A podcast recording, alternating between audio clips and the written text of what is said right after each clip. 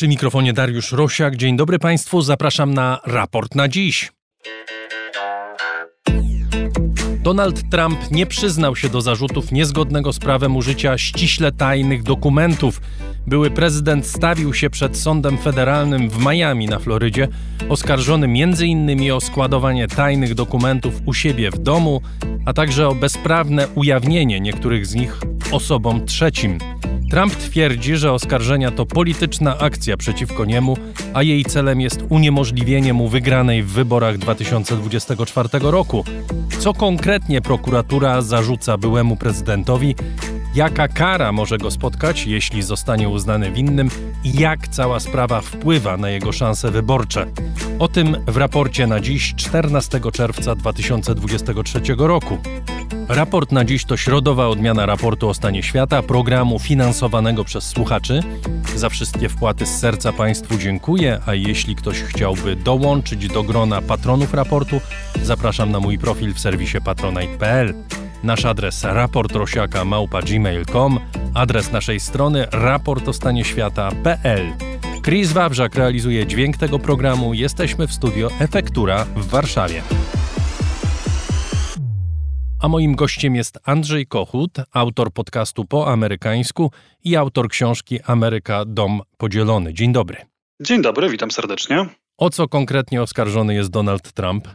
Donald Trump jest oskarżony o to, że po zakończeniu e, swojej prezydentury wywiózł z Białego Domu szereg dokumentów, dokumentów, które były tajne, ściśle tajne, nie przekazał ich e, do Narodowego Archiwum, przekazy, prze, e, przechowywał je bez należytej staranności, a później, kiedy amerykański wymiar sprawiedliwości starał się te dokumenty odzyskać, utrudniał odzyskanie tych dokumentów świadomie, ukrywał je nie tylko przed władzami, ale również przed swoim adwokatem i z tego tytułu grozi mu dzisiaj 37 e, e, zarzutów, za które może odsiedzieć nawet dziesiąt, kilkadziesiąt lat w więzieniu. To jest sytuacja prawna Donalda Trumpa na dziś. Nie rysuje się ona wesoło w świetle tego, czego dowiedzieliśmy się z aktu oskarżenia.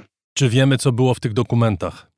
W tych dokumentach, e, o które chodzi przede wszystkim, e, były informacje na temat bezpieczeństwa amerykańskiego państwa, na temat e, amerykańskiego potencjału nuklearnego, również potencjału nuklearnego innych państw. Były tam na przykład informacje dotyczące planów wojskowych, w tym tak wrażliwych jak plany ataku na inne państwo, które wojskowi amerykańscy przygotowali dla Donalda Trumpa jeszcze w czasie jego prezydentury. Natomiast należy pamiętać, że w tym zasobie, który Donald Trump wywiózł z Białego Domu, było również mnóstwo innych dokumentów e, o, o wiele mniej poważnych, można powiedzieć, ponieważ to były e, dziesiątki pudeł wypełnionych papierami, dokumentami, notatkami służbowymi, wycinkami prasowymi, wszystkim tym, co prezydent jest zobowiązany przekazać do Narodowego Archiwum po zakończeniu urzędowania.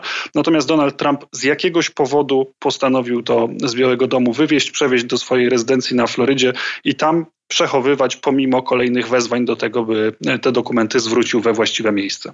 W przedziwnych miejscach, w łazience, pod prysznicem, to zupełnie niezwykłe. To jest w ogóle zupełnie szokująca część tej historii, bo tak naprawdę bardzo komplikuje odpowiedź na pytanie, po co właściwie Donald Trump to zrobił. Bo nawet jeżeli e, założyć, że wśród tych dokumentów znajdowały się jakieś dokumenty, które byłyby dla niego obciążające, którymi nie chciał się podzielić z resztą świata, no to na pewno nie te dokumenty dotyczące e, wrażliwych kwestii wojskowych, o których mówiłem wcześniej. Dlaczego w związku z tym wywiózł wszystko? Może dlatego, że taki bałagan panował w Białym Domu i trudno było dojść do tego, które dokumenty są kluczowe, ale jeżeli te dokumenty starał się ukryć, no to właśnie, dlaczego w tak dziwnych miejscach się one znalazły? Bo powiedzmy sobie szczerze, ta łazienka to jeszcze nie było najdziwniejsze miejsce. Najdziwniejsze miejsce, o którym dowiedzieliśmy się z aktu oskarżenia, to była sala balowa e, w jego rezydencji, miejsce, gdzie spotykał się z gośćmi i te kartony zostały umieszczone na scenie. Więc no, zupełnie e, zadziwiająca sytuacja. No tak, tu musielibyśmy pewnie wchodzić w psychikę byłego prezydenta, co jest obarczone ryzykiem. To jest zupełnie inna skala oskarżeń niż w przypadku poprzedniego wezwania w kwietniu w sprawie Stormy Daniels. Tam Trump był oskarżany w zasadzie o niewłaściwe zaksięgowanie wydatków, prawda? Grozi mu, nawet jeżeli mu to zostanie udowodnione, grozi mu jakaś grzywna. Tutaj mamy przestępstwa federalne, z których, jak wspomniałeś, najcięższe obarczone jest karą 20 lat więzienia i jest 37 tych zarzutów. Także to jest zupełnie inna skala niż to, co było poprzednio. To jest zupełnie inna skala, to też jest nowa jakość w związku z tym, o czym powiedziałeś, czyli że są to zarzuty na szczeblu federalnym, a nie stanowym. Wtedy oskarżano go o złamanie prawa stanu Nowy Jork i w Nowym Jorku e, ta sprawa się odbędzie. Tutaj e, Trump, Trump został oskarżony o złamanie e, przede wszystkim Espionage Act, które reguluje kwestie obchodzenia się z dokumentami tajnymi dotyczącymi bezpieczeństwa narodowego. Ten konkretny przepis, który Trump złamał, dotyczy świadomego przechowywania tych dokumentów i utrudnianie ich, e, utrudnienie ich, ich odzyskania przez właściwe organy. I z tego aktu e, oskarżenia, który poznaliśmy, wynika, że owszem, Donald Trump e, świadomie te dokumenty przechowywał, zmieniał miejsce, czy zlecał zmienienie miejsca ich położenia, żeby utrudnić ich odzyskanie odpowiednim organom. Mało tego, świadczył nieprawdę, ponieważ Donald Trump w różnych wystąpieniach publicznych mówił o tym, że nawet jeżeli takie niejawne dokumenty znalazły się w jego posiadaniu, a o tym wiedzieliśmy już po e, tym e, przeszukaniu, które w jego rezydencji urządziło FBI, e, to te dokumenty nie są już tajne, przekonywał Donald Trump, mimo tego, co jest na nich napisane, ponieważ on wykorzystał swoje uprawnienia jako prezydent i przed końcem prezydentury te dokumenty odtajnił. Rzeczywiście mógł coś takiego zrobić, chociaż nigdzie nie było śladu po tym, że rzeczywiście taką akcję wykonał. Natomiast w tym akcie oskarżenia mamy chociażby rozmowę, w której Donald Trump z niewiadomego powodu e, chwali się e, jednym z tych dokumentów e, wojskowych przed dziennikarzem, autorem, który przeprowadza z nim wywiad do książki. Ta rozmowa zresztą najprawdopodobniej jest nagrana, bo w akcie oskarżenia mamy stenogram z tej, z tej rozmowy. I Donald Trump mówi o tym, że ten dokument jest tajny i mówi o tym, że mógł go odtajnić, ale tego nie zrobił i że to jest w dalszym ciągu ścisły sekret. Co zresztą jego współpracownik pracownik również e, obecny przy tej rozmowie kwituje słowami: No i mamy problem. Donald Trump jest bardzo pewny siebie. Przekonuje, że cała sprawa to jest polowanie na czarownicę i on właśnie występuje w roli niewinnej ofiary. Zanim do tego dojdziemy, ja chciałbym jednak spytać, czy może coś na rzeczy jest. To znaczy, czym jego sprawa i jego ukrywanie tajnych dokumentów różni się od ukrywania tajnych dokumentów, czy nie zdania, może w ten sposób, tajnych dokumentów przez Joe Bidena. A no właśnie, i tutaj e, myślę, że utrafiłeś e, w sedno. To znaczy, różnica pomiędzy postępowaniem Donalda Trumpa a Joe Bidena, czy chociażby Mike'a Pence'a, który również e, miał podobny kłopot, polega na tym, że w przypadku Bidena rzeczywiście mieliśmy do czynienia z przechowywaniem przez niego dokumentów, których mieć nie powinien, również w sposób, który nie był bezpieczny dla, dla tych dokumentów. Natomiast Biden po tym, jak dowiedział się o tym, że te dokumenty u niego się znajdują, sam zwrócił się e, do odpowiednich organów, przekazał e, te dokumenty i zapowiedział pełną e, współpracę. Donald Trump zupełnie odwrotnie, kiedy najpierw Narodowe Archiwum wzywało go do oddania tych dokumentów, nie zamierzał ich oddawać. Kiedy sprawą zajęło się FBI, oddał część i twierdził, że oddał wszystko, a wszystkiego nie oddał, o czym się wyraźnie przekonaliśmy w momencie, kiedy doszło do przeszukania jego rezydencji. No i wreszcie również w tym akcie oskarżenia pojawiają się informacje na temat tego, że celowo były te dokumenty przemieszczane po to, żeby utrudnić ich odzyskanie tym organom, które miały to zrobić. Także ta, te świadome ukrywanie i świadome utrudnianie pracy wymiaru sprawiedliwości to jest ta różnica pomiędzy sprawą Trumpa a sprawą Bidena. U Bidena możemy mówić o nieostrożności, możemy mówić o jakimś braku porządku, który spowodował, że te dokumenty nie zostały we właściwym momencie zwrócone. E, oczywiście tutaj jeszcze zwolennicy e, prezydenta Bidena powiedzą, tych dokumentów utajnionych na różnym poziomie jest tak dużo, że nie sposób czasami e, dotrzeć do wszystkich, które w toku ośmiu lat wiceprezydentury trafiły w ręce Joe Bidena. Zostawmy to na boku. Natomiast ta kluczowa różnica polega na tym, jak Donald Trump postąpił, będąc świadomym, że te dokumenty są tajne i że powinny być zupełnie gdzie indziej niż w jego rezydencji. To jest cały czas hipotetyczna sytuacja, bo nie wiemy, przede wszystkim my nie znamy tych dokumentów, nie znamy szczegółów tego, co się w nich znajduje, nie wiemy, w jaki sposób y, zachowa się sąd, ale czy jemu realnie w tej sytuacji grozi więzienie? No bo to, że za coś można dostać 20 lat więzienia, to nie znaczy, że każdy oskarżony, czy nawet uznany winnym, taką karę otrzymuje. Czy tutaj mówimy o realnie potencjalnym y, wylądowaniu Trumpa w więzieniu? Myślę, że to zagrożenie jest realne, natomiast rzeczywiście, zanim taka sytuacja by się pojawiła, no to przed nami jeszcze bardzo długi zapewne proces sądowy. Najpierw e, przed sądem e, na Florydzie, gdzie już wiemy, że sprawę Trumpa będzie nadzorowała sędzia Eileen Cannon, która e, jest nominatką Trumpa. To on ją wskazał jako sędzię na tym szczeblu w czasach swojej prezydentury, która już wcześniej wydawała decyzje, można powiedzieć, przychylne Trumpowi i dlatego jest w tej chwili no, może nie negatywnym bohaterem, ale takim wielkim znakiem zapytania w wielu e, liberalnych amerykańskich mediach, gdzie właśnie ta e, sprawa sędzi Cannon jest bardzo mocno naświetlana. Czy to nie zmieni werdyktu w sprawie Trumpa? Musimy pamiętać, że ten proces będzie zapewne e, na wszelkie sposoby opóźniany przez zespół prawny Donalda Trumpa, więc można założyć, że on nie rozstrzygnie się przed wyborami w 2024 roku, a jeżeli rozstrzygnie się już po nich, to kto wie, być może to Donald Trump będzie w Białym Domu, a być może inny kandydat republikański, gdyby coś poszło e, nie po jego myśli w prawyborach w Partii Republikańskiej. I wtedy na przykład możemy założyć, że Donald Trump zostanie ułaskawiony, e, cokolwiek e, nie zostałoby mu udowodnione.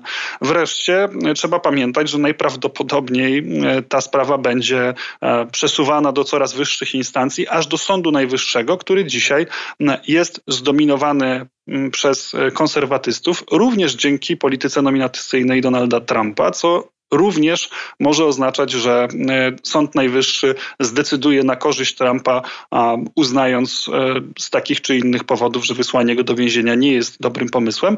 Więc teoretycznie rzeczywiście taka możliwość, że Trump wyląduje w więzieniu istnieje, natomiast jego optymizm jego postawa obecna chyba jest uzasadniona w tym sensie, że do tego uwięzienia Donalda Trumpa jeszcze bardzo daleka droga, o ile w ogóle mm, do niego dojdzie.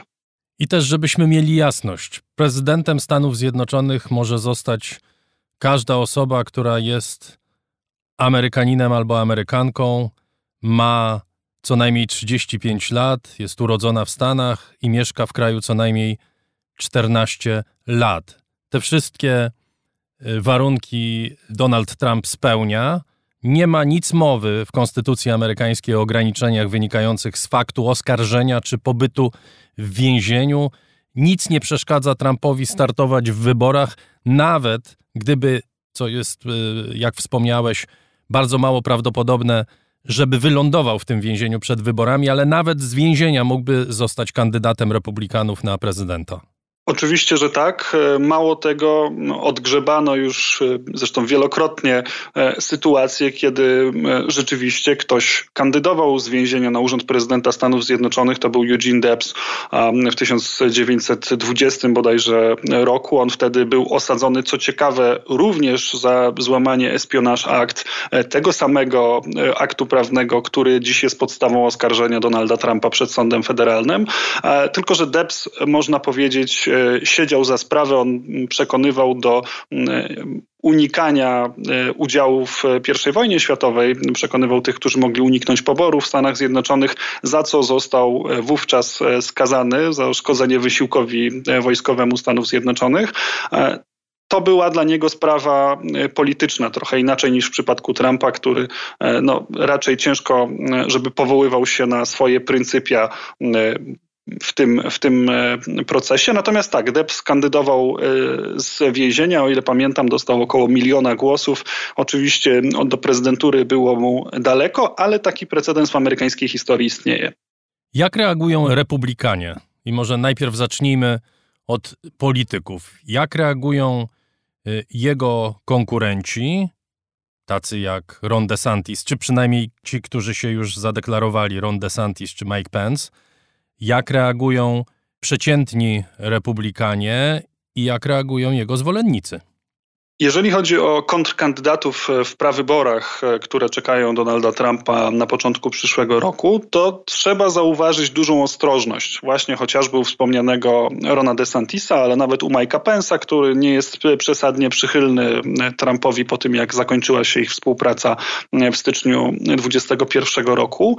E, ci politycy unikają ostrego atakowania Trumpa, choć czasami jakąś małą szpilkę e, może mu wsadzą, ale mają świadomość, że w tej sytuacji, w której znalazł się Donald Trump, e, ustawianie się mm, jako jako przeciwnicy Trumpa w tej sytuacji, ustawianie się jako krytycy Trumpa w tej sytuacji, oznaczałoby ustawienie się w jednej linii z demokratami, a to mogłoby bardzo poważnie zaszkodzić każdemu z kandydatów w oczach elektoratu republikańskiego, więc tego nie robią. Dużo częściej, kiedy słyszymy chociażby Rona DeSantisa, e, słyszymy o tym, e, co złego zrobił wymiar sprawiedliwości pod e, rządami Joe Bidena, w jaki sposób Joe Biden używa dziś wymiaru sprawiedliwości jako broni przeciwko republikanom, tak przekonuje właśnie chociażby Ron DeSantis. I nawet jeżeli pojawiają się tam jakieś nutki krytyki Trumpa, jak u Nikki Haley chociażby, to one właśnie bardzo często są połączone z jeszcze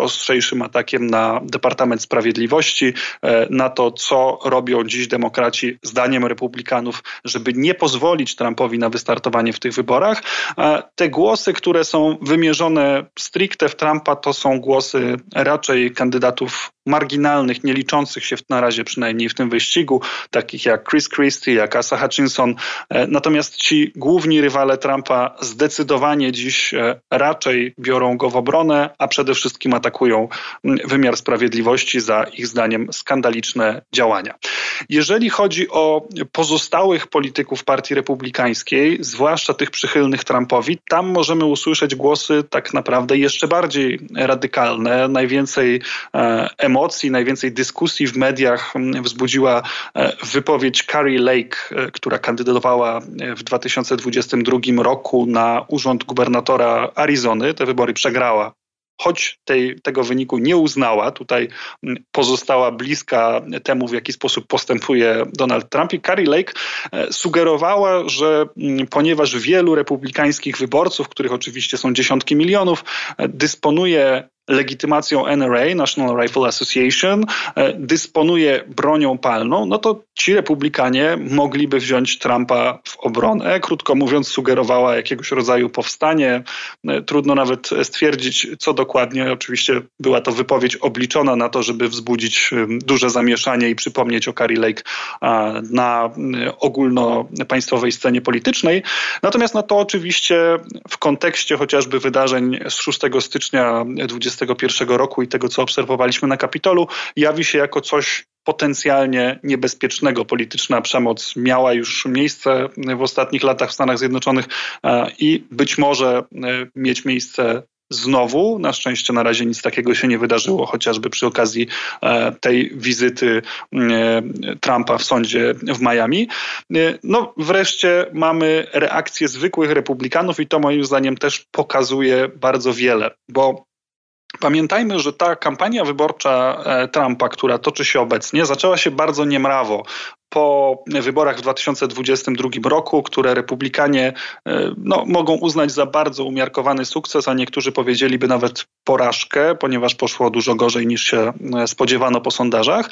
I częściowo za ten słaby wynik został obwiniony Donald Trump. Wydawało się, że jego gwiazda trochę przygasła, bardzo dobrze wyglądały notowania Rona DeSantisa. I wtedy przyszło w kwietniu to oskarżenie prokuratora Alwina Braga w Nowym Jorku dotyczące e, pieniędzy za milczenie, które miała otrzymać Stormy Daniels. I kampania Trumpa wystartowała w górę. Jego notowania zaczęły błyskawicznie rosnąć, darowizny zaczęły się mnożyć, e, przewaga nad Ronem DeSantisem znacząco wzrosła, co pokazywało, że tak naprawdę w sensie politycznym to oskarżenie bardzo Trumpowi pomogło. I mam wrażenie, że nie inaczej będzie z tym oskarżeniem, które, które właśnie mm, obserwowaliśmy e, wczoraj, że ono również politycznie bardzo mocno Trumpa wzmocni, da mu szansę na wielki medialny spektakl, pozwoli mu znowu być w centrum amerykańskiej sceny politycznej. Takie wstępne sondaże, które gdzieś tam zaczęły się pojawiać po tym, jak poznaliśmy treść tego oskarżenia z wyprzedzeniem w zeszłym tygodniu, e, wskazują na to, że większość republikańskich wyborców dalej uważa, że Trump jest zdolny sprawować urząd prezydenta nawet z więzienia. 80% ankietowanych republikańskich wyborców tak zadeklarowało. 60% czy 61% zadeklarowało, że nie zmienia to sposobu, w jaki postrzegają Trumpa, to oskarżenie, a kilkanaście procent wskazało nawet, że Trump jest dla nich w tej chwili lepszym, bardziej atrakcyjnym kandydatem już po tym, jak usłyszeli to oskarżenie, krótko mówiąc, jest to taka odpowiedź na, na przekór pytającemu, pokazująca, że e, Przede wszystkim większość republikanów zgadza się z tym, co mówi Donald Trump, że jest to wymierzony w niego atak polityczny, że nie warto prawdopodobnie, zdaniem tej części elektoratu, przejmować się tym, co zawarte jest w oskarżeniu. Przede wszystkim należy się skupić na tym, że to jest kolejna próba powstrzymania Donalda Trumpa przez demokratów, których to prób, zdaniem samego zresztą prezydenta, było wcześniej już kilka, żeby wspomnieć tylko dwa impeachmenty. Powiedziałeś na przekór. Może nie na przekór, tylko zgodnie choćby z tym, co piszesz w swojej książce o tej wyrwie e, w społeczeństwie amerykańskim. Nie ma takiej rzeczy, którą mógłby zrobić Donald Trump i której skutkiem byłby spadek popularności jego wśród y, tych najbardziej zatwardziałych, tych true Trumpers, prawda? Tych prawdziwych zwolenników y, Donalda Trumpa w zasadzie idealnym rozwiązaniem dla niego byłoby, jakby poszedł do tego więzienia, bo wtedy rzeczywiście poziom mobilizacji byłby chyba najwyższy z możliwych. Pytanie tylko, czy to by mu pomogło w walce o prezydenturę, bo to, o czym mówię, ten efekt politycznego wzmożenia wokół Trumpa, który posłużył mu w ostatnich miesiącach do tego, żeby ta jego kampania się e, rozkręciła, żeby jego rywale, którzy przecież pojawiają się w tej chwili prawie co tydzień, e, e, coraz to nowi politycy ogłaszają swój start w prawyborach Partii Republikańskiej, żeby ci jego rywale wypadli dużo bardziej blado niż on to rzeczywiście te, te, te ostatnie sprawy sądowe bardzo mu w tym pomogły. Natomiast Duże pytanie powstaje, czy to mu pomoże w ostatecznych wyborach prezydenckich, kiedy będzie musiał stanąć no, prawdopodobnie naprzeciw Joe Bidena, a kiedy będzie musiał do siebie przekonać nie tylko elektorat MAGA czy True Trumpers, jakich określiłeś, ale również tych mniej zdecydowanych wyborców, którzy Trumpem w polityce być może są już zmęczeni. Wielu Amerykanów było nim zmęczonych po tych intensywnych czterech latach jego prezydentury, którzy nie do końca są przekonani przez, to, przez ten chaos, który towarzyszy politycznej aktywności Donalda Trumpa, czego zresztą kolejnym dowodem są te pudła przechowywane w niesamowitych okolicznościach, wypełnione również tajnymi i istotnymi z punktu widzenia bezpieczeństwa kraju dokumentami. E, I w tym starciu e, z Joe Bidenem te obciążenie w postaci kolejnych procesów, kolejnych zarzutów wcale nie musi być dla Donalda Trumpa atutem, wręcz przeciwnie, myślę, że może mu poważnie zaszkodzić. Ale myślisz, że w ogóle przepływ elektoratu w tych nadchodzących wyborach jest y, możliwy? Czy właściwie karty są rozdane i w zasadzie tego przepływu nie ma już w tej chwili? Ten przepływ rzeczywiście z roku na rok jest coraz mniejszy i coraz mniej jest e, tych wyborców niezdecydowanych, którzy rzeczywiście byliby w stanie przejść z jednej strony barykady na drugą. Natomiast należy pamiętać, że wybory prezydenckie rozgrywają się nie na arenie ogólnokrajowej, ale w poszczególnych stanach. To tam kandydaci walczą o głosy elektorskie i w tych konkretnych stanach czasami nawet bardzo niewielkie przepływy, mieliśmy przecież przypadki, kiedy decydowało kilkanaście, kilkadziesiąt tysięcy głosów, powodowały, że wygrywał ten albo inny kandydat. I tutaj te przepływy wciąż mają znaczenie. To o tych wyborców wciąż trzeba walczyć e, i dlatego wydaje mi się, że w momencie, kiedy pozyskanie tych właśnie niezdecydowanych, którzy e, stanowią ten bardzo mały procent w amerykańskiej polityce, 5, może 7% e, niezdecydowanych wyborców, tutaj kluczowe będzie, kluczowa będzie ta zdolność przyciągania. Moim zdaniem kandydat republikański, roztaczający aurę dobrego administratora, człowieka, który wyprostuje sytuację gospodarczą, za którą przecież Biden jest krytykowany, miałby szansę te głosy demokratom odebrać, natomiast otoczony kolejnymi sądowymi wezwaniami Donald Trump będzie kandydatem trudniejszym do przełknięcia dla tego elektoratu i na tym opieram mój sąd, że to może mu ostatecznie utrudnić walkę o powrót do gabinetu owalnego, albo przynajmniej do prezydentury, jeżeli nie miałby na początku sprawować w gabinecie owalnym, no ale to scenariusz już trudny do przewidzenia. Jeszcze na koniec, co w najbliższym czasie czeka Donalda Trumpa od strony sądowej, bo to nie były ostatnie zarzuty, które mu zostaną postawione. Tak, no przeciwko Donaldowi Trumpowi to są, toczą się jeszcze przynajmniej dwa e, dochodzenia, które mogą być dla niego bardzo problematyczne, dużo bardziej niż to miało miejsce w przypadku tej sprawy e, nowojorskiej dotyczącej, dotyczącej Stormy Daniels, czy chociażby tego procesu cywilnego o gwałt, molestowanie, e, które wytoczyła mu E. Jean Carroll, który zresztą przegrał niedawno, choć trzeba podkreślać, zarzut gwałtu nie został potwierdzony, molestowania i owszem w tym, w tym procesie będzie apel apelacja. E, natomiast przeciwko Trumpowi toczą się jeszcze e, dwa dochodzenia. Pierwsze e, kontynuuje ta sama osoba, która sporządziła ten akt oskarżenia przeciwko Trumpowi w tej, w tej obecnej sprawie federalnej, czyli specjalny prokurator Jack Smith. On prowadzi również dochodzenie dotyczące roli Donalda Trumpa w tych wydarzeniach, które miały miejsce na Kapitolu 6 stycznia 2021 roku. Czy to rzeczywiście Trump popchnął wówczas tłum do takiego działania, jakie obserwowaliśmy? No i druga kwestia to jest kwestia Georgii i próby, jaką podjął Donald Trump, żeby zmienić wynik wyborów. Przypomnijmy, on na początku stycznia 2021 roku, już po przegranych wyborach, zadzwonił do sekretarza e, stanu Georgia e, próbując przekonać go, by ten znalazł brakujące głosy, brakujące, czyli te, które pozwoliłyby e, Donaldowi Trumpowi wygrać z Joe Bidenem w Georgii i zdobyć głosy elektorskie z tego stanu. Przypomnijmy, tam właśnie różnica była bardzo niewielka, chodziło raptem o jakieś 11 tysięcy głosów. Oczywiście Raffensberger, sekretarz stanu Georgia, wówczas e, bardzo stanowczo odmówił e, tej prośbie Trumpa, natomiast no, mieliśmy tu do czynienia już, no, można powiedzieć, z jawną próbą zmiany wyniku wyborów i również w tej sprawie toczy się przeciwko Trumpowi dochodzenie, więc rzeczywiście tych spraw sądowych może być w najbliższej przyszłości e, przed Trumpem jeszcze więcej i to może dodatkowo skomplikować jego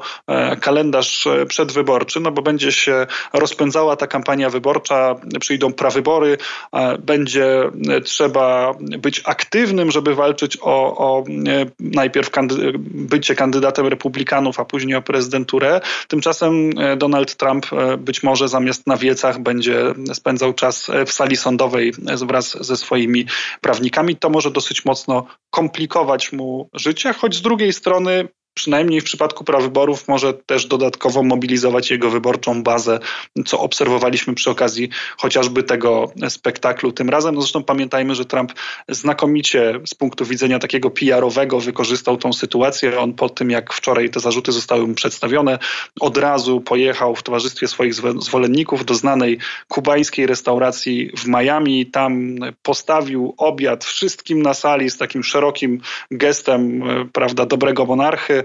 E, tłum śpiewał e, Happy Birthday, bo e, dzisiaj bodajże wypadają urodziny 77 Donalda Trumpa, więc no, stworzył takie obrazki, które w mediach społecznościowych przynajmniej częściowo przykryły ten fakt, że musiał pojawić się w sądzie i jednocześnie pokazał, że tłumy wciąż go kochają, jego zwolennicy wcale nie stracili wiary w niego, co no, z punktu widzenia PR-owego na pewno było skuteczne. Andrzej Kochut, autor podcastu po amerykańsku, autor książki Ameryka Dom Podzielony, był gościem raportu na dziś. Bardzo dziękuję.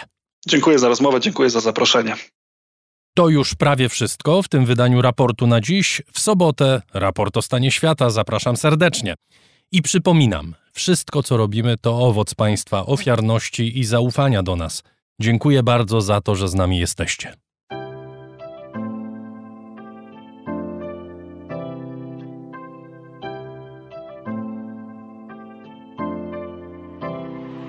Raport o stanie świata od marca 2020 roku rozwija się dzięki Państwa zaangażowaniu i szczodrości. To dzięki Wam możemy opowiadać o świecie przy pomocy dźwięków. Dzięki Wam ten program jest przygotowywany w profesjonalny sposób z zachowaniem najwyższej jakości bo na nią właśnie zasługują słuchacze raportu o stanie świata. Z serca dziękuję wszystkim Państwu za wpłaty. Wasza hojność jest dla mnie ogromnym zobowiązaniem. Zbiórka na patronite.pl ciągle trwa, zachęcam do udziału. Najhojniejsi patroni raportu o stanie świata to firma Ampio Smart Home, Aureus, leasing, kredyt, ubezpieczenia, księgowość. Sprawdź nas na www.aureus.pl. Hotel Bania Termal w Białce Tatrzańskiej, oferujący pakiety pobytowe z termami w cenie. Mikosz Barczewski 2005 Global. Firma doradcza Crido. Galmet Polskie pompy ciepła. Sklep internetowy goldsaver.pl, w którym sztabkę fizycznego złota kupisz po kawałku i bez wydawania jednorazowo dużych kwot. KR Group. Firma outsourcingowa www.krgroup.pl Razem w przyszłość. Polsko-Japońska Akademia Technik Komputerowych Warszawa, Gdańsk, Bytom. Michał Małkiewicz. Northmaster, marka łodzi motorowych z Polski. www.northmaster.pl Firma Software Mill. Od zawsze zdalni programują dla całego świata. Dom wydawniczy Muza, bo świat nie jest nam obojętny. Pure Play. Transparentna agencja mediowa digital i doradca w budowaniu kompetencji in-house. Uber. Myślimy globalnie, działamy lokalnie. Agnieszka i Sławek Zawadzcy. A także Budros Pompy Ciepła. Gruntowe pompy ciepła dla budynków przemysłowych i wielorodzinnych. Kompleksowa obsługa.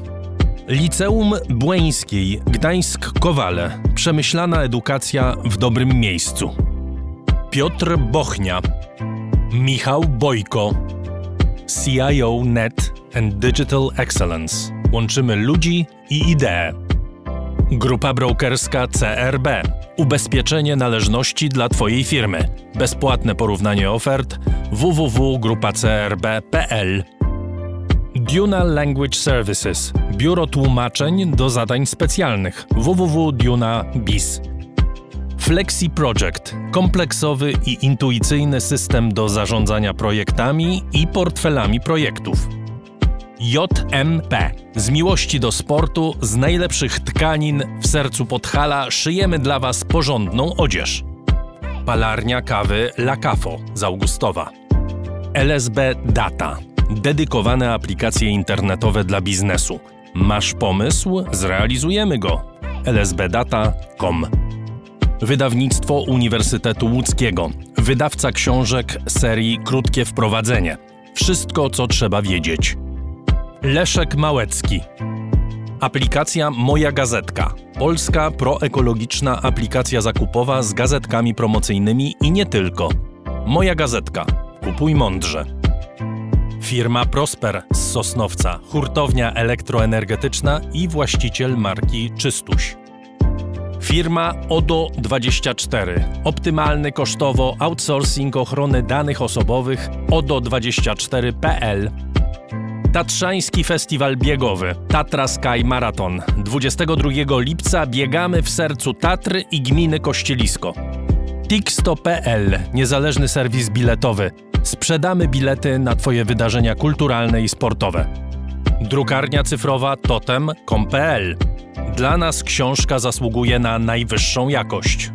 Fundacja Wasowskich, opiekująca się spuścizną Jerzego Wasowskiego i wydawca książek Grzegorza Wasowskiego. Szczegóły na wasowscy.com. Michał Wierzbowski. Wayman oprogramowanie wspomagające firmy inżynieryjne w zarządzaniu projektami, stworzone przez polskich inżynierów dla sektora projektowego. www.wayman Software. Zen Market, pośrednik w zakupach ze sklepów i aukcji w Japonii. Zen Market JP. Dziękuję bardzo. To dzięki Państwu mamy raport o stanie świata.